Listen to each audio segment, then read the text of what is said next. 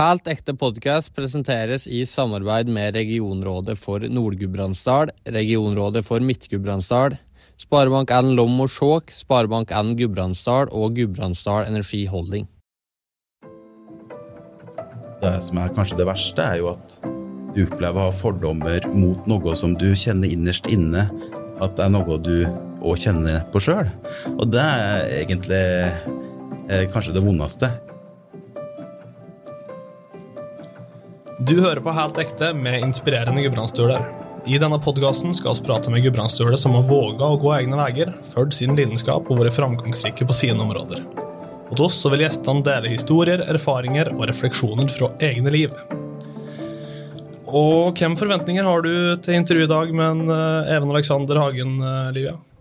Nei, jeg har jo hørt eh, og sett mange intervjuer med eh, Even Alexander. Eh, og han kommer jo ofte med disse politisk korrekte svarene.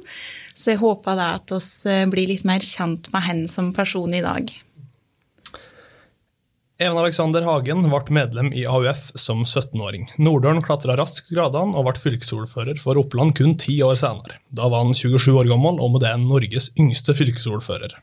Han har studert statsvitenskap, nordisk språk og litteratur og praktisk-pedagogisk utdanning. Ved kommune- og fylkestingsvalget i høst så stiller ikke Hagen til gjenvalg. Nå har han lyst til å prøve helt nye utfordringer. Hjertelig velkommen til uh, Helt ekte, Even Alexander. Takk skal dere ha. Hvordan har du det? Jo, jeg har det bra, eh, og jeg er veldig glad for å være her. Jeg syns det er trivelig å bli invitert, det må jeg bare si. Og så eh, jeg er jo spent på hva dere spør meg om, og hva dere ønsker å høre mer om. Men eh, ja, jeg har det bra om dagen. Så bra. Har du noe podkasterfaring fra før?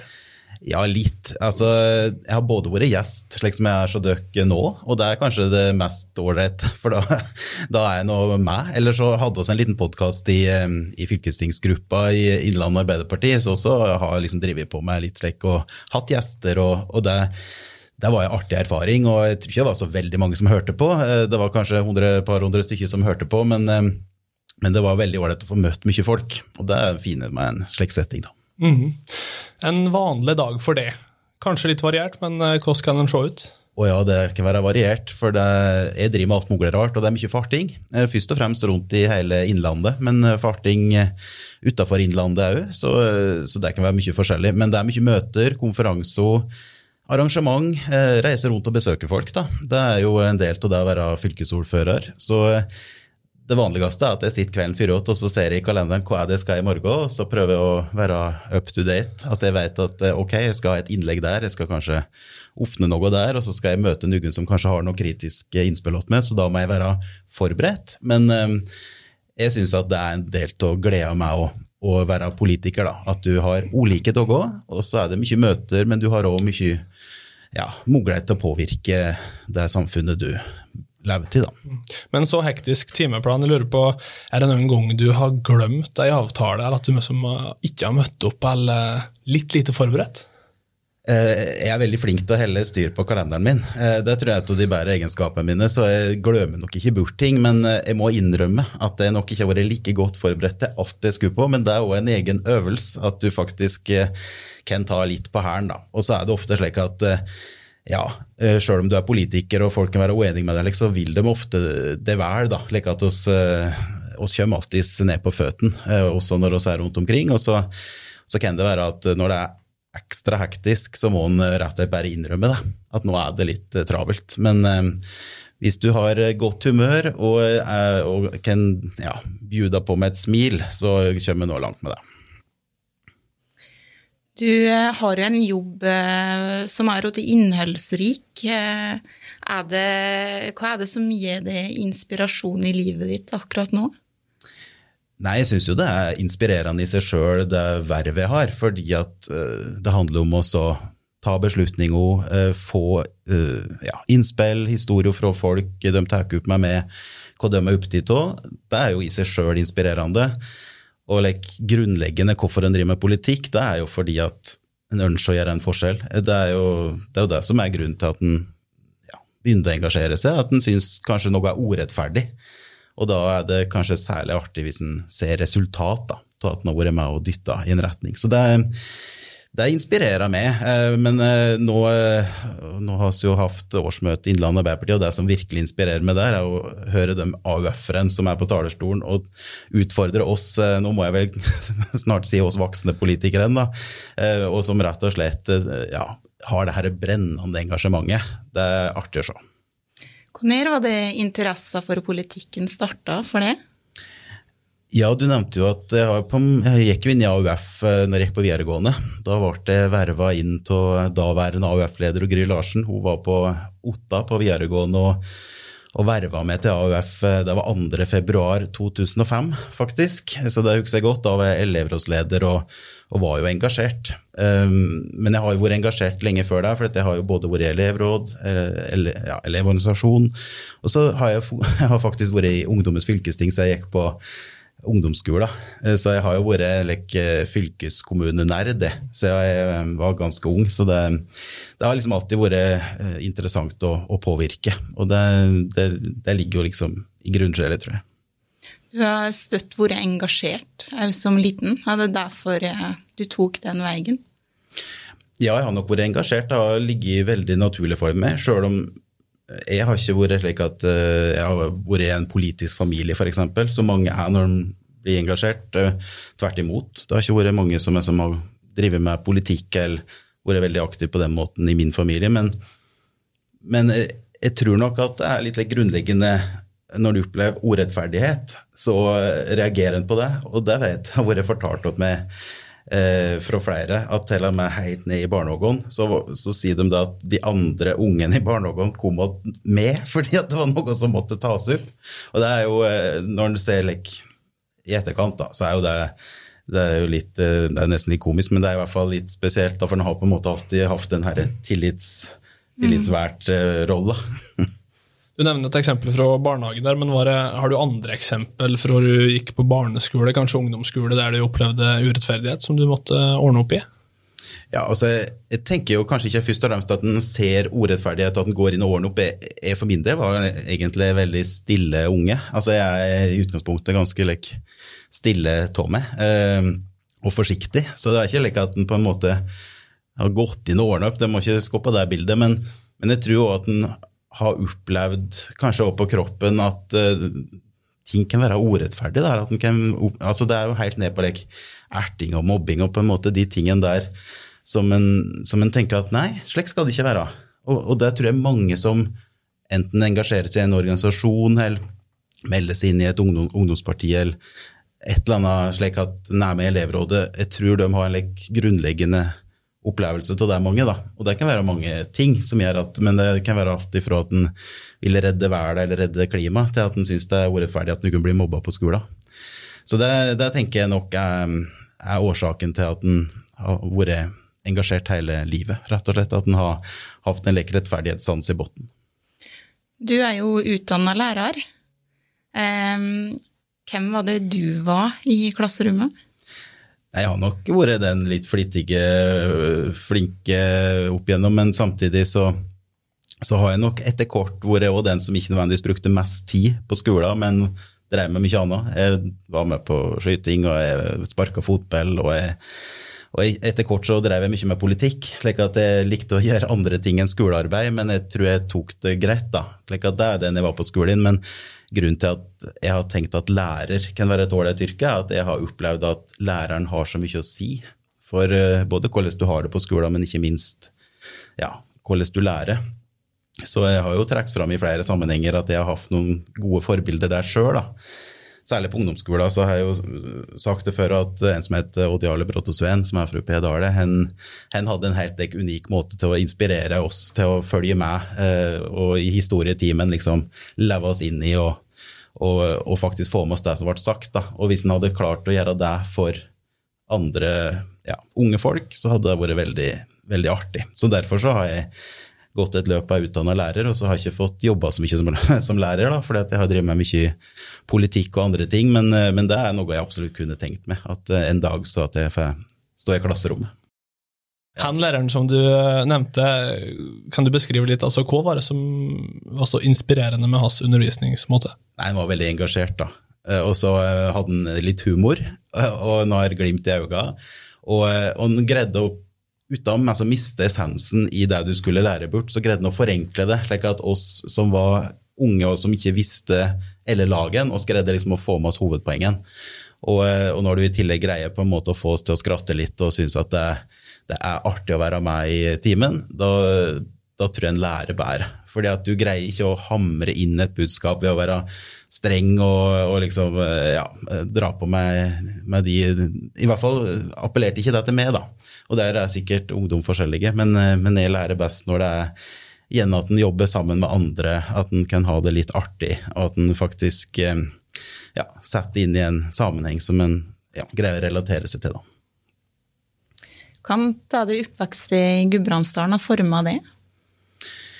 Nei, jeg tror nok jeg er ganske jorda, og jeg er nok eh, ja, litt den rolige, eh, ja, kanskje rasjonelle eh, fylkesordføreren fordi at jeg er fra oppe i Gudbrandsdalen. Jeg tar kanskje litt for gitt at det er slik folk er, men jeg har jo nå møtt både politikere og ikke minst innbyggere fra hele Innlandet og etter hvert hele landet, og ser at folkelynnet kan være ganske forskjellig.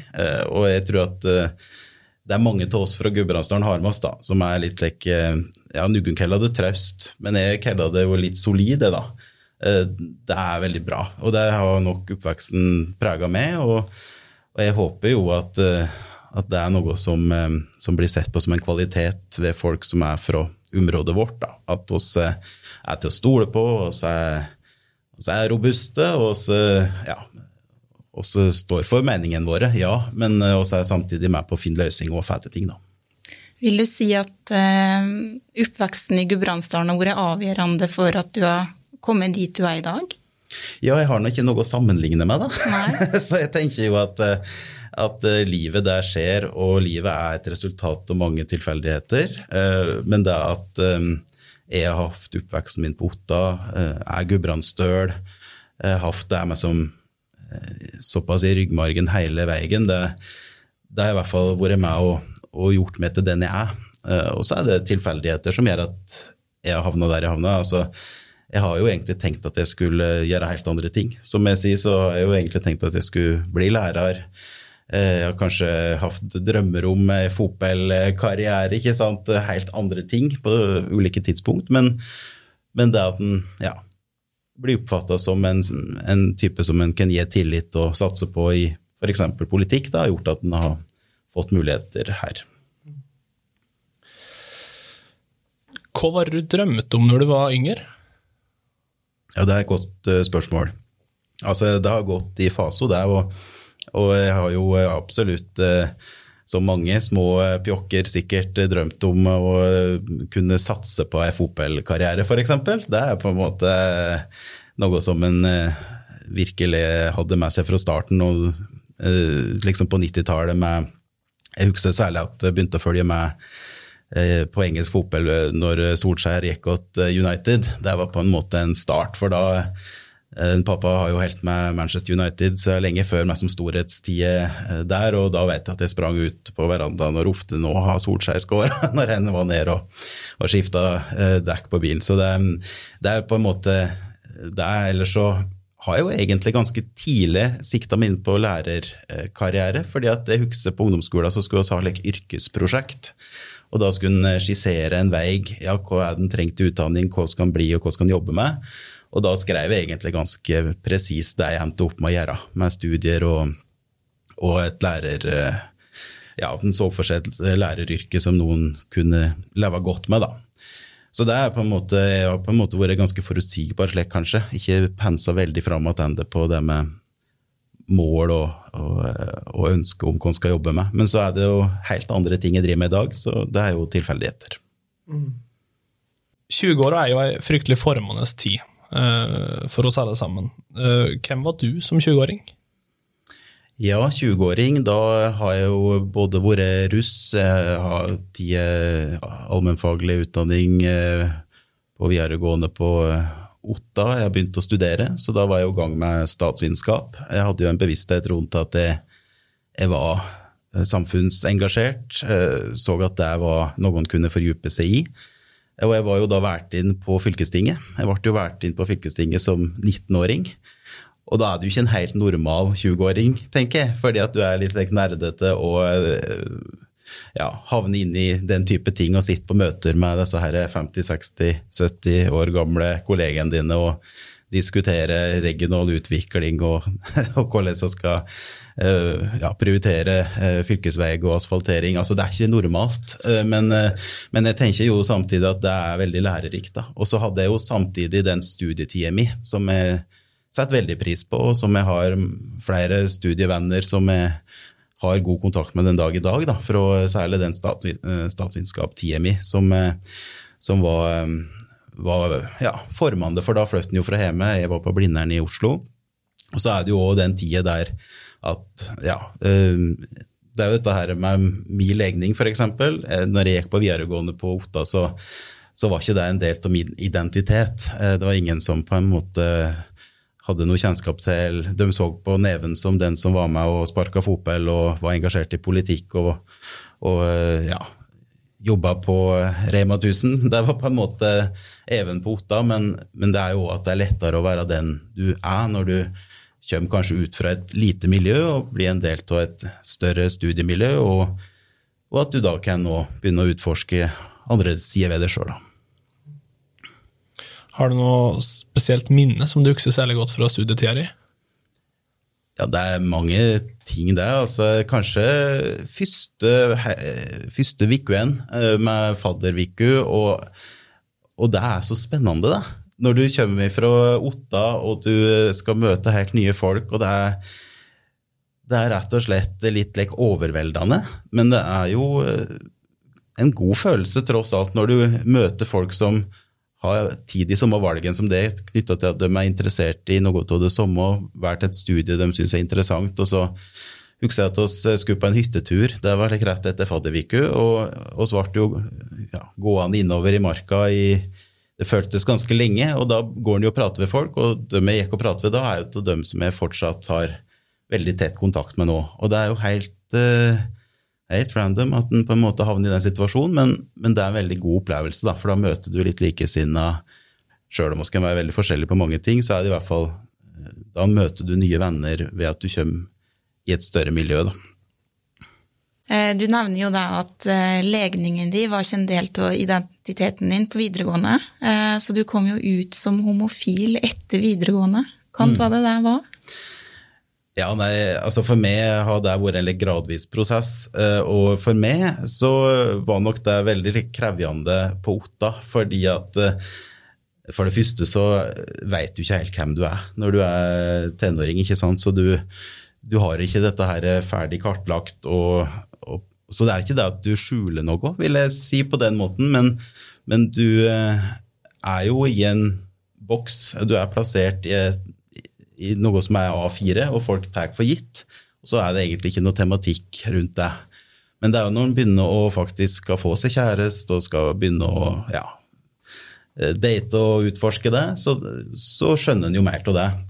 Og da var jeg veldig glad for at jeg hadde da vært med faktisk et par år i AUF. fordi at i AUF så er det jo et stort mangfold av folk. Eh, og det er jo slik at det er en veldig ja, er veldig stor aksept da, for alle typer ulikheter.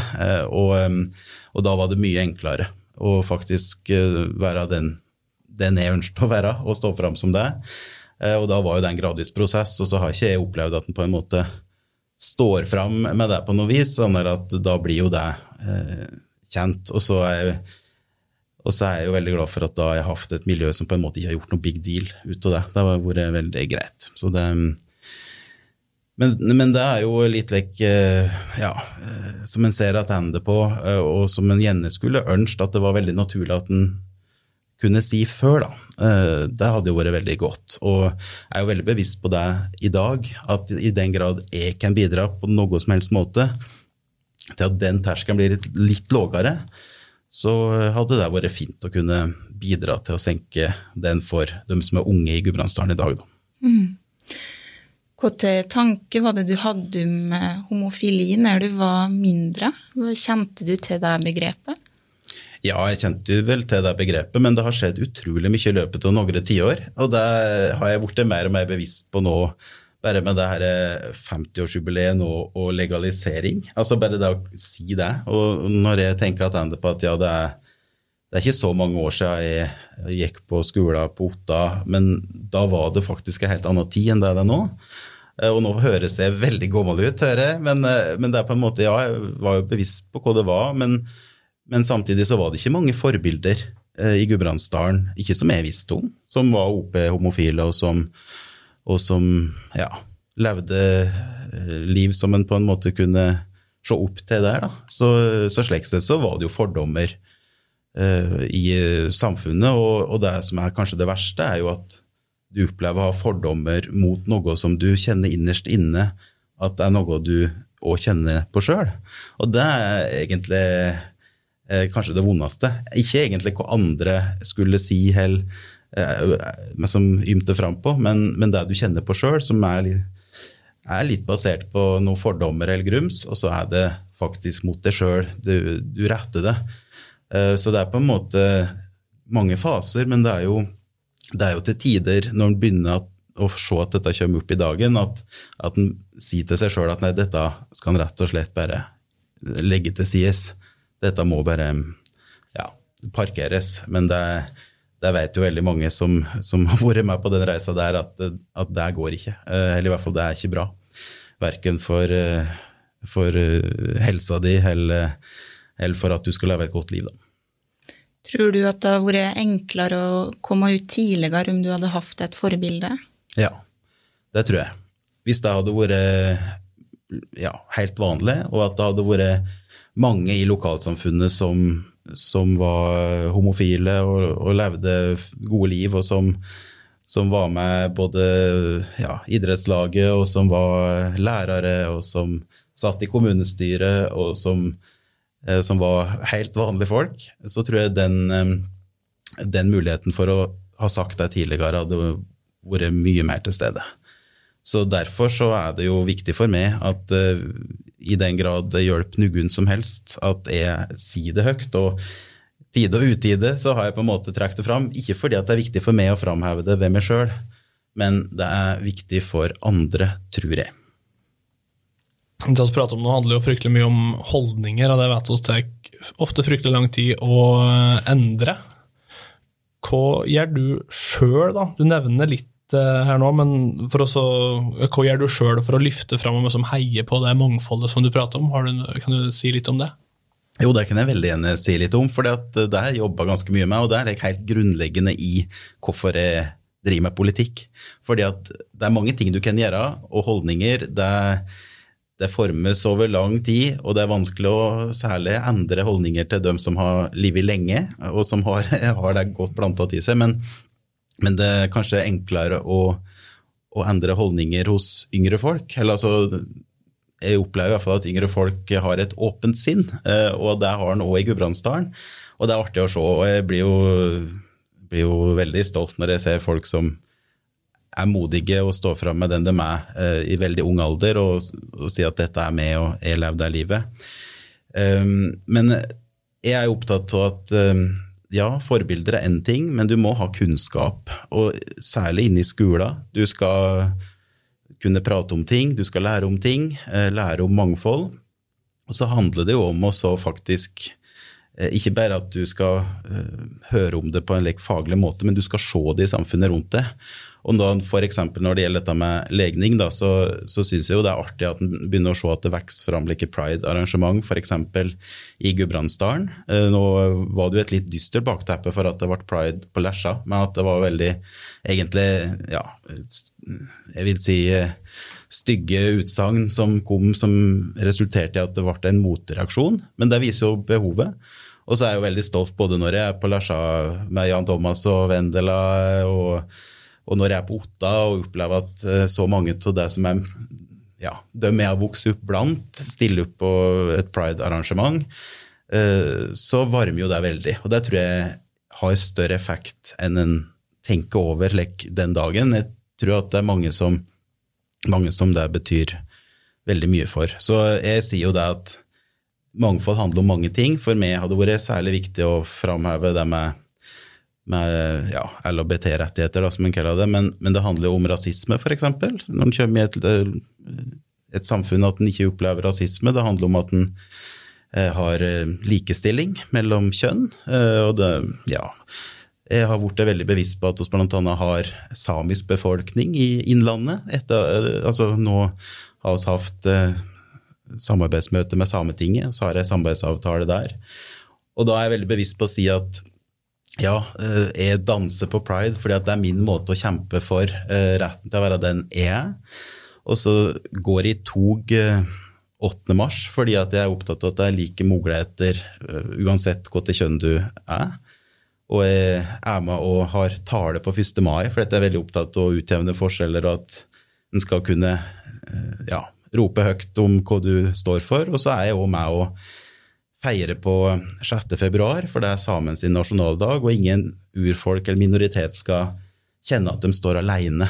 Så jeg tenker at det, det, er mange ting du kan gjøre, og for alt du er med og bidrar til, så er det eh, positivt, tenker jeg da. Du hører på Helt ekte, og dette er Ti kjappe. Stå opp tidlig eller eh, legge seg sent. Ja, jeg legger meg sent. Dersom du ikke bodde i Norge, hvilket land ville du bodd i da? Nei, Kanskje Tyskland er et fint land. En ting du ikke kan leve uten? Og jeg må ha iPaden min, ja. Vors eller? Ja, jeg bærer på vors. Komfortabelt eller pent kledd? Ofte pent kledd, men eh, mest komfortabelt komfortabelt. Mondagen eller fredagen? Fredagen er fin. Individualist eller lagspiller? Lagspiller. Vin eller øl? Vin. Støtt 20 minutter for tidlig ute eller 10 minutter for sein? Absolutt 20 minutter før. Favorittplassen din i Gudbrandsdalen? Hemepota er fint på Dale.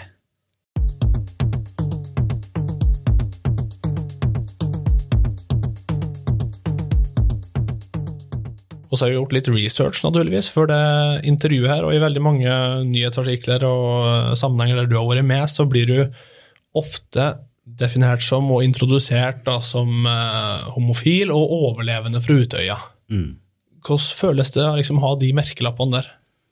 Nei, det er jo merkelapper, eh, og det er jo med, da. Og det er jo to ting du nevner der som jeg ikke har bedt om, men som bare er slik.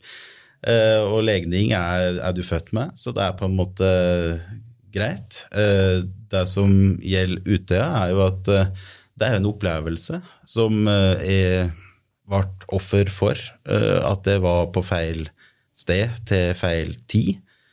Men det er jo en opplevelse som i veldig stor grad definerer meg, fordi at det har det med meg.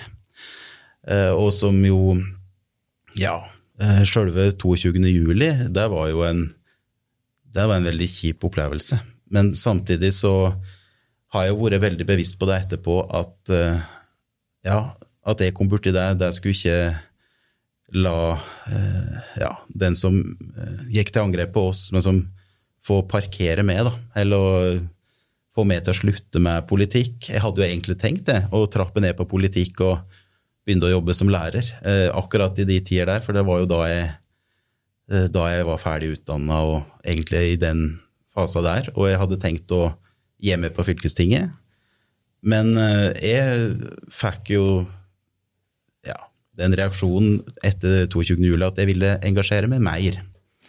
Og var jo veldig glad for at jeg fikk en jobb i AUF der jeg fikk lov til å jobbe med utdanningspolitikk. Jeg fikk lov til å jobbe med unge folkevalgte studentpolitikk.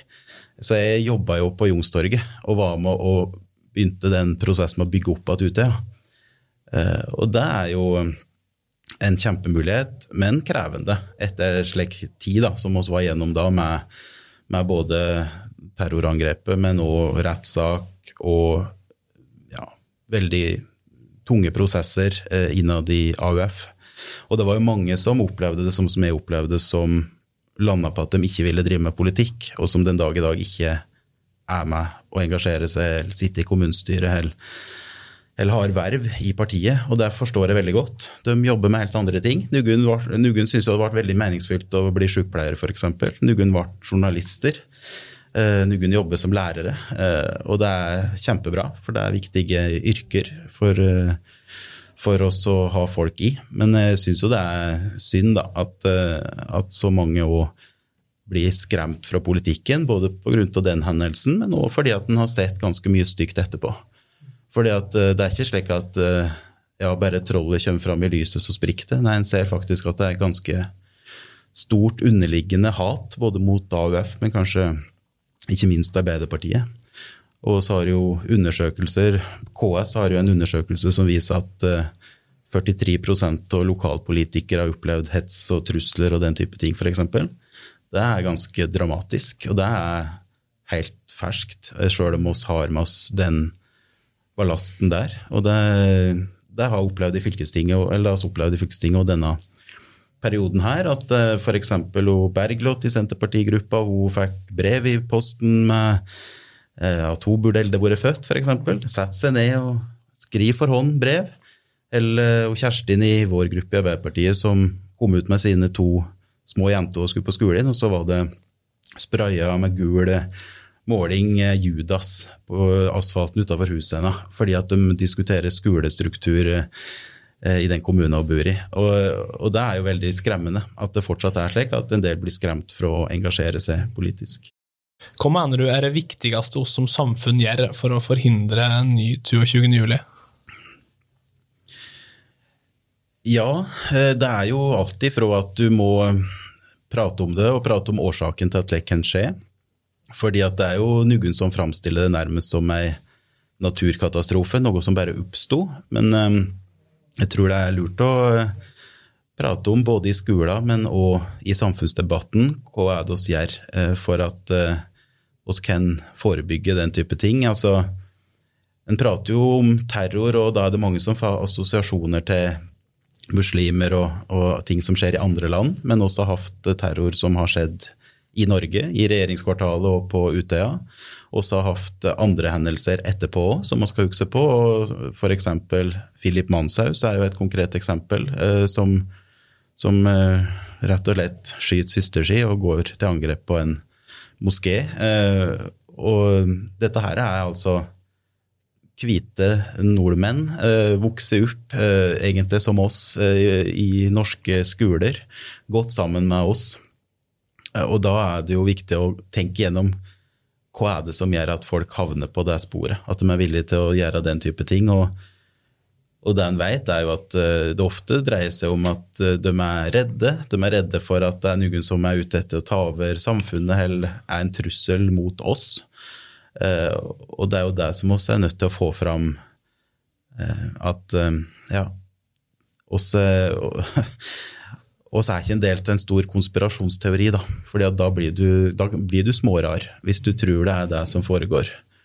Så, eh, så, jeg tror det er mange ting, men jeg tror at vi må passe på at vi ikke blir naive. Og at det er bare liksom å prate om det. Jeg tror at vi må ha et samfunn som ja, faktisk har, eh, har eh, beredskap òg til å håndtere hvis ting skjer. For det, det vet oss at det kan skje.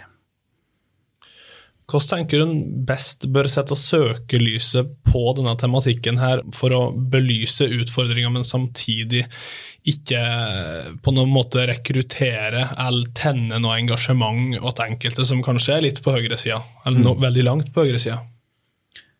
Ja, det som vi ser, er jo at de finner jo sammen i nettverk, og de, de leser oppbildene av likesinnede. Så eh, det er jo noe som veldig ofte skjer utafor radaren til mange av oss. da. Men det skjer jo ofte på nettet, at de finner din annen og fyrer opp under disse her konspirasjonene som de lever inni. Eh, så jeg tror jo at eh, her må eh, de som jobber med det, da, altså politiet og langt inni de som sitter og har oversikt på å følge med på den type ting, de, de må både få myndighet og mulighet til å, å håndtere det på en god måte tidlig. Eh, og det er det jo ingen tvil om at de gjør. Det er jo mange hendelser som sikkert er uh, forhindra ved at det er flinke folk som jobber med det. Men så kan det skje ting som en ikke fanger opp på radaren. Og det er jo, det er jo nesten umulig å, å si at en skal sikre seg mot alt. Du greier ikke det. Du greier ikke å sikre det mot alt, og det så en jo om det er pride uh, i fjor òg, uh, utafor London pub, at sjøl om det kanskje kunne vært snappa opp ting der, og at de har vært litt sjølkritiske på det, så du greier ikke å forhindre alt. Men da er det så viktig at hvis det først oppstår en situasjon, så må en i hvert fall være uh, klare for å agere akutt på det og håndtere det på best mulig måte, slik at ikke liv går tapt. Eh, du sier at eh, Utøya var et eh, vendepunkt for deg, og motivasjon for deg. Og du klatra raskt i gradene i Arbeiderpartiet, og i 2017 så ble du valgt som Norges yngste fylkesordfører. Kommer du ihåg hvilken følelse du satt med den gangen? Ja, det er, det er nesten litt ikke uvirkelig, må jeg si. Det er fordi at ser jo på andre fylkesordførere og for så vidt i all hovedsak ordførere og ser, ser, at det er voksne folk som har vært med lenge, og så skal plutselig en ungypling på Ja, jeg var jo 26 når jeg ble nominert, og så ja, riktig 27 når jeg ble valgt inn i den rolla, og, og, det er litt mye å gape over, må jeg jo bare si. Men jeg syns det er det er veldig spennende at Nugun tør å satse på det. Og jeg er stolt av partiet mitt som gjorde det grepet. At, eh, at de spurte meg om jeg ikke kunne tenkt meg å stille opp og, og, ta det ansvaret. Så jeg er stolt både av partiet jeg er stolt av meg sjøl òg, at en takka ja til det. For det er ikke noe sjølfølge når en er 6-27 år og skulle ta på seg et ansvar. Det er jo, det er jo skjebnen til både ungdommen som går på videregående skole, det er de som er avhengig av et godt busstilbud, og de som ja, er avhengig av at fylkeskommunen fungerer. Eh, og så er det jo mange ansatte. I Oppland fylkeskommune så var det vel et par tusen ansatte og budsjett på noen milliarder. Så det er et stort ansvar. Men eh, jeg har ikke angra på det, da, at jeg sa ja til å stille opp. Som politikere så skal dere jo stå i mange stormer. Um, og UMO skal sammenligne toppidrettsutøvere og politikere, så har jo toppidrettsutøvere et uh, ganske stort støtteapparat rundt seg. De har jo annet både massør og fysioterapeut og coach og det ene med det andre. Men uh, hva er det dere har til støtteapparat rundt dere? Ja, det var jo et godt tips. Jeg tenker massør, det skal jeg ta med meg. Men eh, oss har jo ikke den type støtteapparat, og kunne nok kanskje hatt enda litt mer like, mental bistand. Men det støtteapparatet oss har, er jo at i et parti så er det ganske mange. Og da er du jo avhengig av at du stiller opp for din navn. Og så er det slik at hvis du blir valgt inn i et folkevalgt verv, liksom f.eks. ordfører eller fylkesordfører, så kan jo det det kan på en måte være en ganske ensom jobb. Fordi at du sitter med ansvaret i stor grad sjøl, og du må stå i ting, og du må fronte ting, og du må være med å ta beslutninger. Men du har jo et støtteapparat i det som er den store administrasjonen. Da. Og i en kommune f.eks., eller for min del i fylkeskommunen, så er det så vanvittig mange flinke folk som jobber med sine fagfelt. Og sjøl om det iblant føles som at en skal kunne alt og stille opp alle stand og ja, at mye hviler på dine skuldre, så, så har jeg hele tida opplevd at en har hatt, uh, hatt, flinke fagfolk i ryggen. Da. Så det er ikke synd på oss som er politikere, oss har mange flinke folk som stiller opp for oss. Men det er jo kanskje når det stormer som mest, da, at du uh, kjenner på det at politikken kan være litt uh, ensom. fordi at det blir fort like mye personfokus som det blir saksfokus.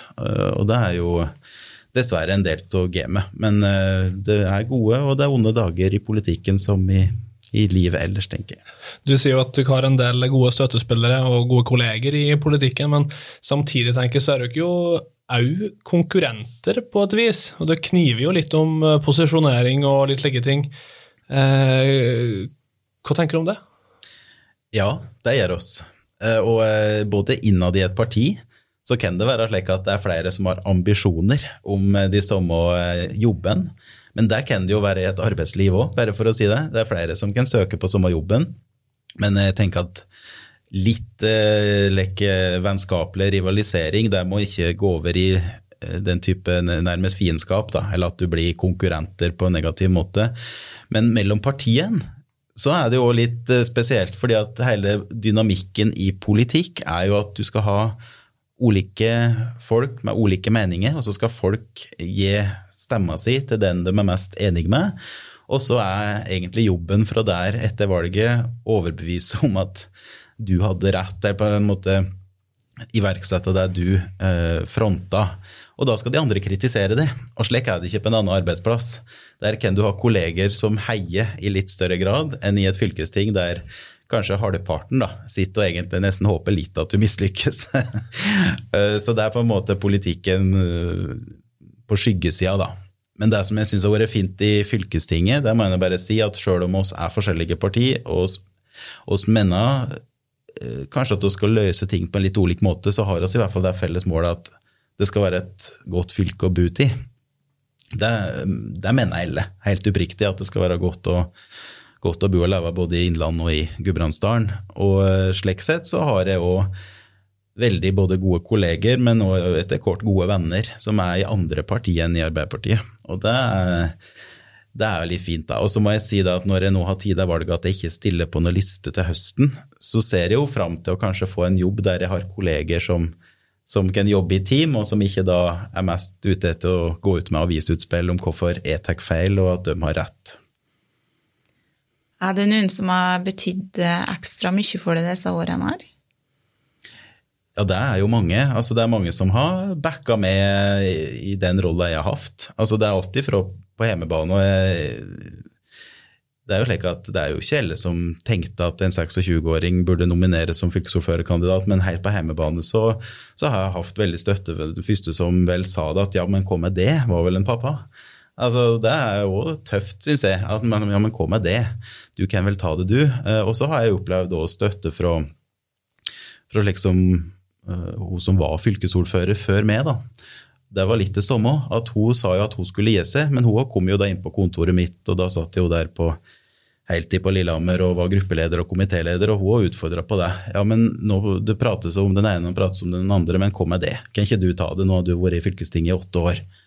Og det å ha backing både fra familie, men òg politiske kolleger, det har vært veldig godt. Eh, og det er jo helt avgjørende for at du er tøff nok til å faktisk ta på deg ting, da. Altså si at dette kan jeg sikkert greie, fordi at andre har trua på meg. Eh, så det er, det er jo flere slik. Og så, og så har jeg hatt folk som har ført meg hele veien i politikken òg, slik som eh, Anne Marte Kolbjørnshus, som jo kom inn på fylkestinget i Oppland likt meg. med. da kjente ikke jeg Anne Marte, men nå er hun jo av mine aller aller beste venner. For vi har jo helt ut med navn i fylkestinget i 16 år og kjenner navn ganske godt. Og hun har vært med, vært gruppeleder og, og, og backa veldig. Eh, og nå går oss ut av fylkestinget både to nå. Så da runder oss den med 16 år der, og så skal vi drive med andre ting framover.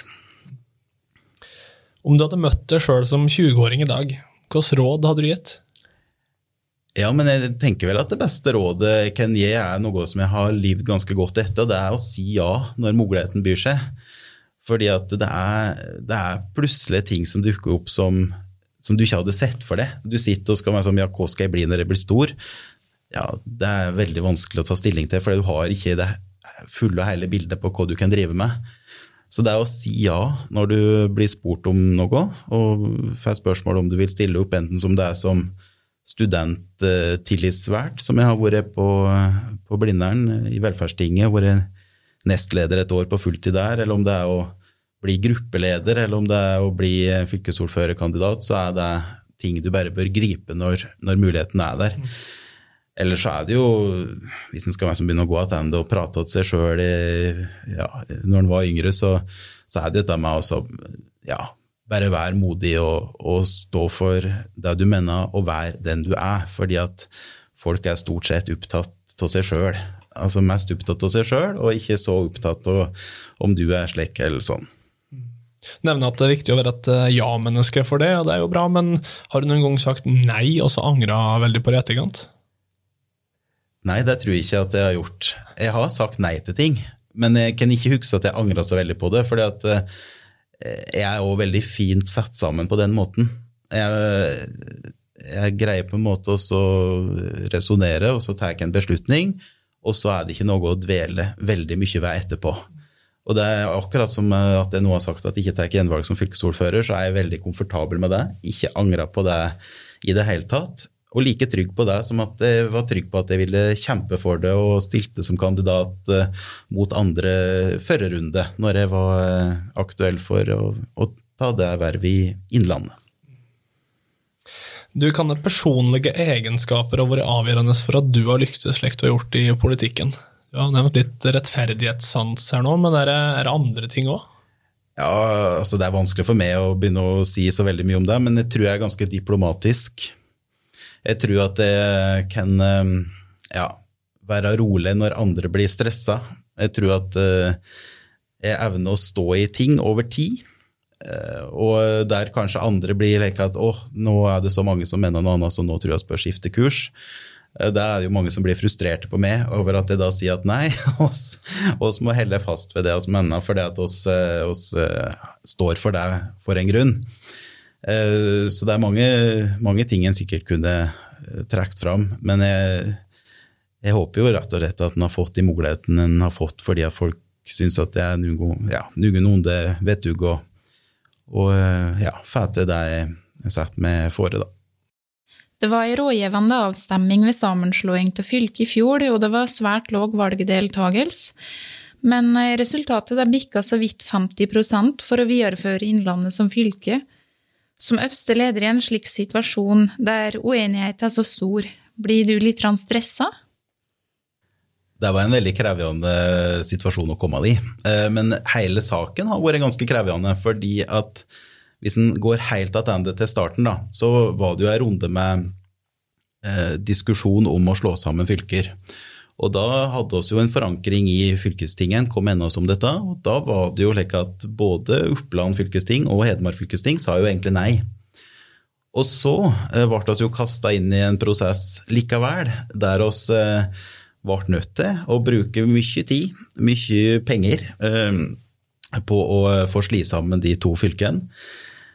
Og at ja, for min del som var fylkesordfører, og jeg havna midt oppi det ved at jeg leda den fellesnemnda som det heter, eller leda sammenslåingsprosessen, så så jeg jo på nært hold hvor mye tid medarbeidere brukte på det, hvor mye tid vi brukte ute mot innbyggeren på å rett og slett forberede oss på at nå, nå blir det Innlandet. Så ved første, eller ja, vi gikk jo inn i 2020, så 1. januar 2020 eh, så ble Innlandet fylkeskommune etablert. Det ble Innlandet fylke. Eh, og da tenker jeg at da er det løpet kjørt. Fordi at da har han lagt så mye i den potten, han har brukt så mye tid på det, at da må han gjøre det beste ut av det. Så det er litt like jeg skrudd sammen, at da var jeg veldig klar for at nå, nå skal vi bygge et godt fylke og bo og leve i. Og så kom det jo opp at nå, etter at det ble regjeringsskifte, da var det jo mulig å reversere, som de sier. Da kunne en gå tilbake til slik det var, men eh, det er jo ikke slik at de gamle pulten står der, og at, eh, og at den har de samme ansatte, og at det ikke har skjedd noe på disse årene. Så, eh, så, jeg mener jo at det ikke var så veldig reelt. Men eh, oss hadde folkeavstemning. Det var jo en litt interessant situasjon vi kom i det òg. Vi hadde fylkestingsbehandling på det, og der ble det ei stemmes overvekt for at det skulle være ei folkeavstemning. Det var ikke med min stemme, for å si det slik. Jeg synes det det er veldig krevende å bestemme ting gjennom eh, rådgivende folkeavstemninger. Altså, ja, oss har et indirekte demokrati i Norge, og det er, det er en grunn til det. fordi det er veldig krevende å sette seg inn i alle sider ved en sak.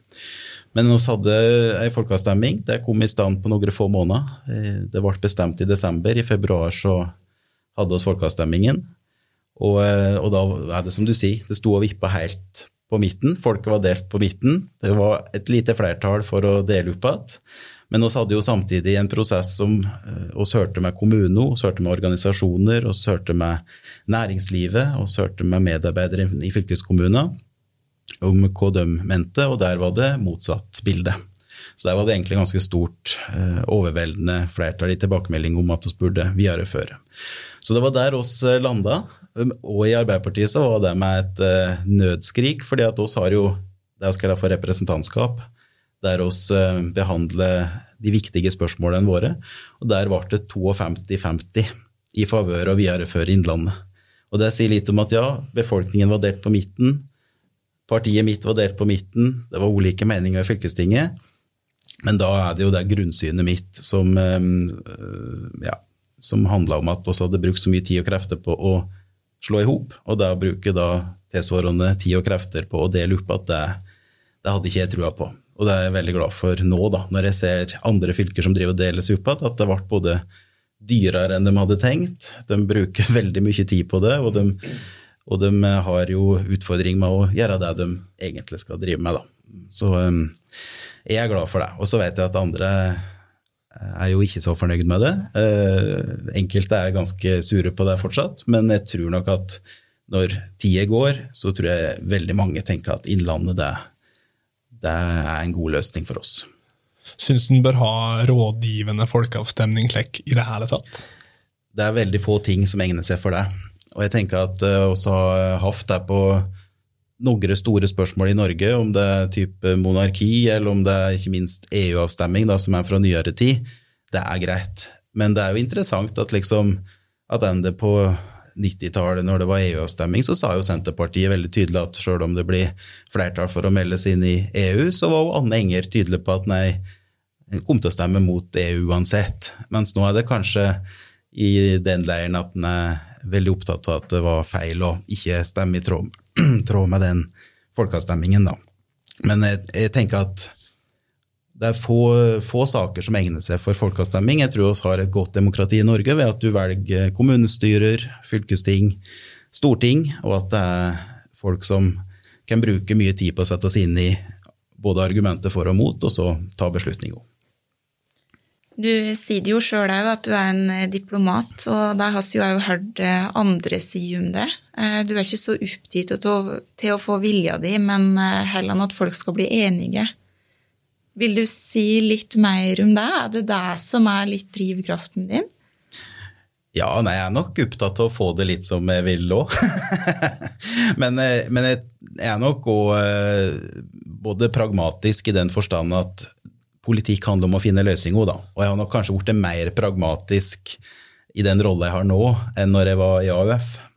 Og var eh, veldig på barrikaden for mange saker og jobba for miljø. og oss eh, kjempa jo for gratis skolebøker og jobba jo for mange viktige saker i, i AUF der en kanskje var litt kvassere i kanten. Men når en skal fylle en rolle som jeg har nå, så er en nødt til å, og, og, og, faktisk leite etter hvor er det løsningen fins i det politiske landskapet du opererer i. da. Så eh, jeg tror nok at, eh, at jeg har vært med å skapa et klima for å finne løsninger på tvers da, i fylkestinget. At det går an å prate sammen med ulike partier. Og så er det jo litt interessant at jeg sier det med det bakteppet at nå sitter vi jo eh, i et fylkesting der Arbeiderpartiet og Senterpartiet har brutt vår samarbeidsavtale, fordi at oss klinsja så hardt med den eh, Innlandet-saken. Så, eh, så, slik sett så har vi jo sikkert vært opplevd som både tverre og vanskelige å ha med å gjøre, men, men, det som er situasjonen nå, da, er jo at vi sitter og finner flertall i enkelte saker med Senterpartiet, andre saker mot Høyre, Frp. Og nå har vi jo landa et par budsjett med en helt annen konstellasjon, med at vi er eh, enige med SV og MDG og KrF, Venstre og Pensjonistpartiet, så det er en helt annen eh, politisk eh, flora enn da liksom opererer til og, og fint flertall for et eh, budsjett. da. Så jeg syns det er litt spennende, da. Lete etter hvor er det vi kan få mest uttelling for det oss er opptatt av. Og så at en da får landa gode vedtak som, som, flere er med å stille seg bak. Da. Så både diplomat og pragmatisk, ja, men, men jeg, gjemmer ikke på alt. Hva er det som er drivkraften din da? Nei, det spørs jo om du spør liksom i, i, livet, eller om du spør i politikken, eh, og helt konkret fylkespolitikken. Eh, altså, i fylkespolitikken så har jeg vært veldig engasjert i skole, f.eks. Altså, drivkrafta mi skal på en god skole der ungdom gjennomfører. fordi at vi vet at hvis du ikke kommer gjennom skolen, så ender det opp med at du fort detter ut om å havne på helt feil spor. Men eh, jeg har jo vært veldig fornøyd med at vi har greid å øke gjennomføringen i de årene jeg har vært med og engasjert meg til det, eller at vi f.eks. har fått opp andelen som velger et yrkesfag fordi de ser på det som en, en reell vei eh, ut i arbeidslivet. Eh, så det er på en måte helt konkret noe som, som gir meg drive, men, men jeg syns jo det er Jeg er jo sikkert litt skrudd sammen på den måten at det å være med å diskutere og være med å ha innflytelse er noe som i seg sjøl er, er, noe som er spennende å få være med på. Da. Så um, Så jeg er litt spent på hvordan jeg skal håndtere det nå, når jeg ikke skal være i politikken, men skal finne på noe annet. Om en da får utløp for de tingene der, det, det blir spennende å se. Hva er det som gir deg energi utom arbeid? Hva er det du gjør for å koble av? Ja, jeg må nok eh, innrømme det at for å hente meg inn igjen, så trenger jeg rett og slett litt egentid.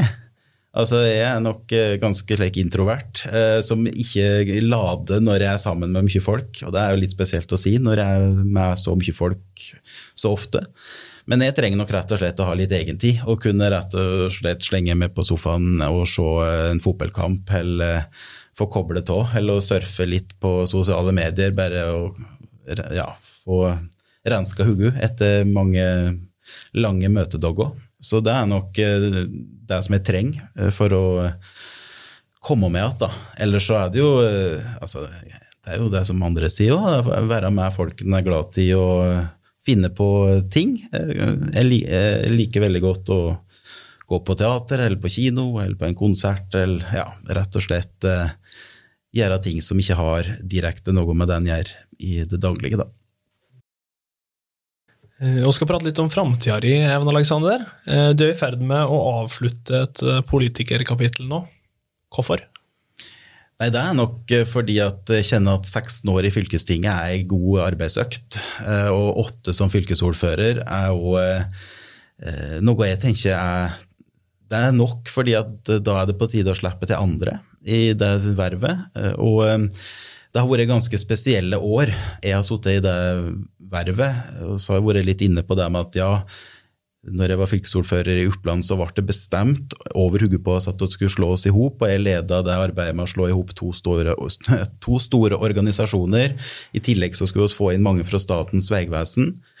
Så det var krevende i seg sjøl. Og så nå i denne her Innlandet-perioden, da, så har det jo vært desto uh, mer å ta tak i, fordi at ja, organisasjonen skal sette seg uh, rett etter at sammenslåingen var et faktum, så bare for oss inn i en pandemi. Altså sammenslivet nyttår uh, i mars, så stenges det ned. Og da skal du håndtere det med 4000 medarbeidere, og du skal helle demokratiet i gang. Også hatt store spørsmål knytta til ja, Sykehus kan jeg jo nevne. Skolestruktur er noe annet som skaper veldig mye engasjement. Eh, og så sli i hop eh, Eidsiva med eh, Hafslund og den type store prosesser som en har vært med på.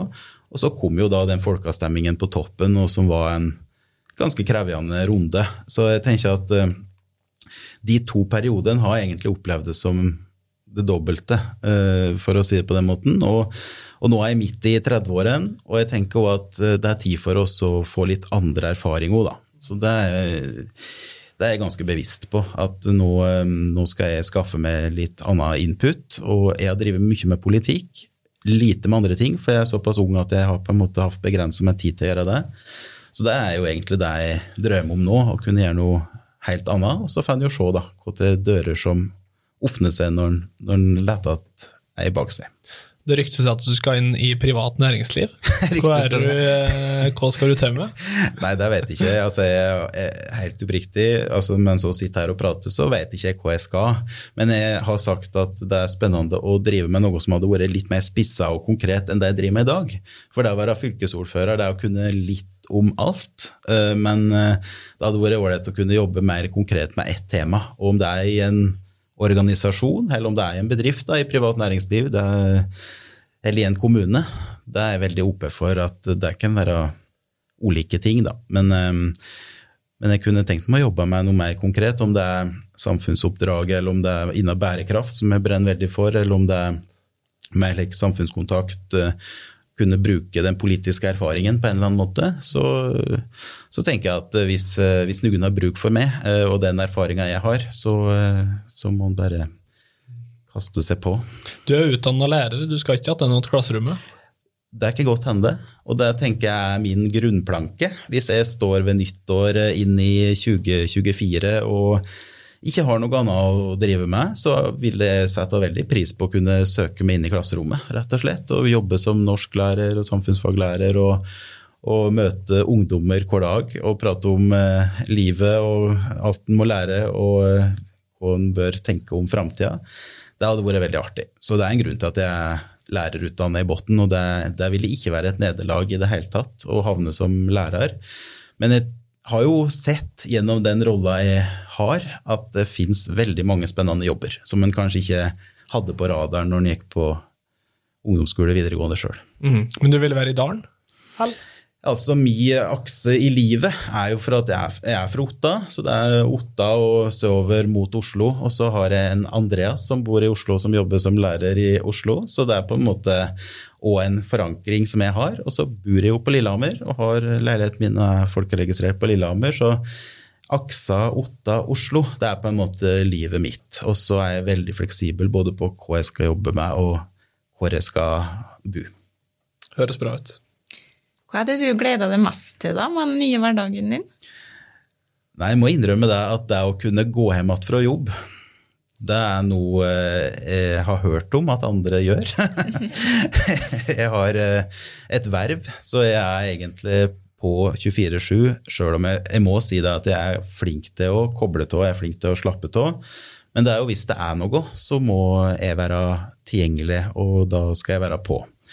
Så det å kunne gå hjem igjen fra jobb eh, hadde jo vært litt artig og prøvd. Men, eh, men jeg ser jo fram til å kunne gjøre noe annet. Og eh, sjøl om jeg vet at det å være politiker og det å være ordfører er jo ei kjempeerfaring, og det er mye konkret og håndfast, og det er mye erfaring å ta med seg fra det, så er det jo dem som ser på det som å være politiker, det er litt lik andreangst. Altså det, det, brukes jo ord som broiler, og at en på en måte ikke har hatt en ordentlig jobb. Og, og, det, og det, å kunne bredde litt ut, uh, det hadde vært ålreit. Um, Skaffa seg litt nye erfaringer. Det, det, er spennende, men jeg må jo si at det er vemodig å skulle liksom snu seg og gå fra, fra det som har vært livet mitt, da, uh, i, i, den fylkeskommunale bobla. Uh, men um, men jeg ser òg fram til at, eh, at, det er sikkert nye, spennende ting å gjøre. Hvilke tanker har du om framtida? Nei, jeg er optimist. Eh, det tror jeg er ganske grunnleggende.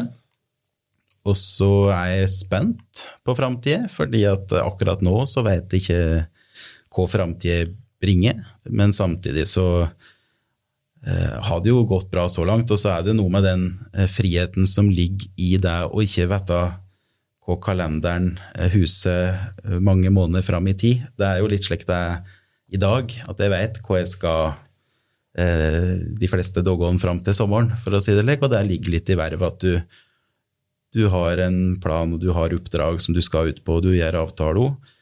Men eh, det å faktisk eh, kunne ha, en, ha, noen blanke dogger i kalenderen innimellom hadde jo hadde jo vært en frihetsfølelse, må jeg si.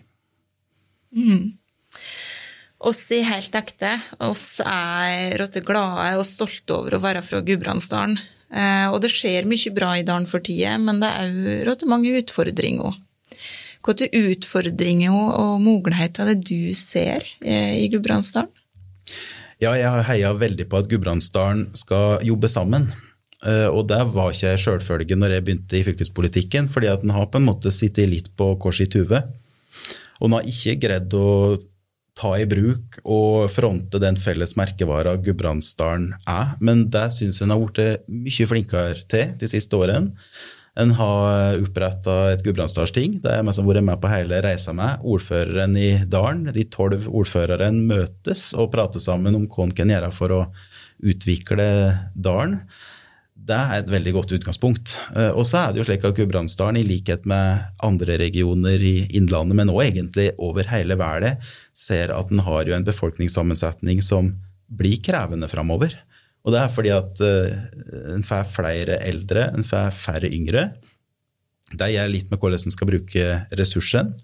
En er nødt til å kanskje vri litt på det, og at en må sikre at vi greier å ta hånd om dem som blir gamle, på en god måte. Og så er det utfordrende for ei fylkeskommune. For oss uh, skal jo ha tilbud som er viktig for ungdom. Og der får oss rett og slett færre penger til å ja, drifte, om det er skole, eller om det er kollektivtrafikk, eller om det er tennhelse, eller om det er kultur, så er det slik at det blir stadig mer pressa økonomi, og når en ser at det blir færre ungdommer f.eks. i Gudbrandsdalen, så byr jo det på noen utfordringer. Men det er jo òg utfordringer, det er spennende. For det må en da gyve løs på, og det går an å løse med politikk. Og det driver oss jo og diskuterer nå. Og da er det ikke, ja, da er det ikke bare svart-hvitt med liksom hva skal en ha til tilbud, og hva er en skal legge ned. Jeg tenker at det må gå an å diskutere går det an å gjøre ting på nye måter. da. Og f.eks. på utdanning så diskuterer vi jo nå hvordan kan vi ha opplæringsløp som i mye større grad ja, er kobla opp imot næringslivet. Det kan skje mye ute i bedrift, det kan skje mye i kommuner ved at du eh, kommer ut og ja, f.eks. Eh, ha mer eh, praktisk læring tidligere. Og at det er noe som ikke blir så stedsbonde av at du må være på, på en skole. Så jeg ser òg muligheter i det. Men eh, nå er det jo slik at det kommer andre etter meg og skal forhåpentligvis være med og utvikle det i en positiv retning. Vi skal begynne å runde av eh, litt her, men eh, om du skulle gitt et råd til en ung gudbrandsdøl i dag, hva skulle det rådet vært da? Nei, altså jeg har jo vært litt inne på det med hva ville jeg råda meg sjøl til, da. Og det er jo å ta sjanser, være modig, stå for den du er og hvem du er, og si ja når muligheter byr seg. Fordi at eh, jeg tenker det at det, er altfor mange som vegrer seg ved å hoppe i ting. Eh, og det opplever jeg jo sjøl òg, når jeg i min posisjon er så heldig å kunne utfordre andre på Kunne ikke du tenkt deg å bidra her, eller kanskje gått inn i et styre der? Eller kunne ikke du vært med og gjort en jobb uh, innen det området her? Så er det mange som vegrer seg. Ja, men jeg er jo ikke god nok, eller jeg vet ikke nok om det. Og da sier jeg at nei, du vet minst like mye som mange andre.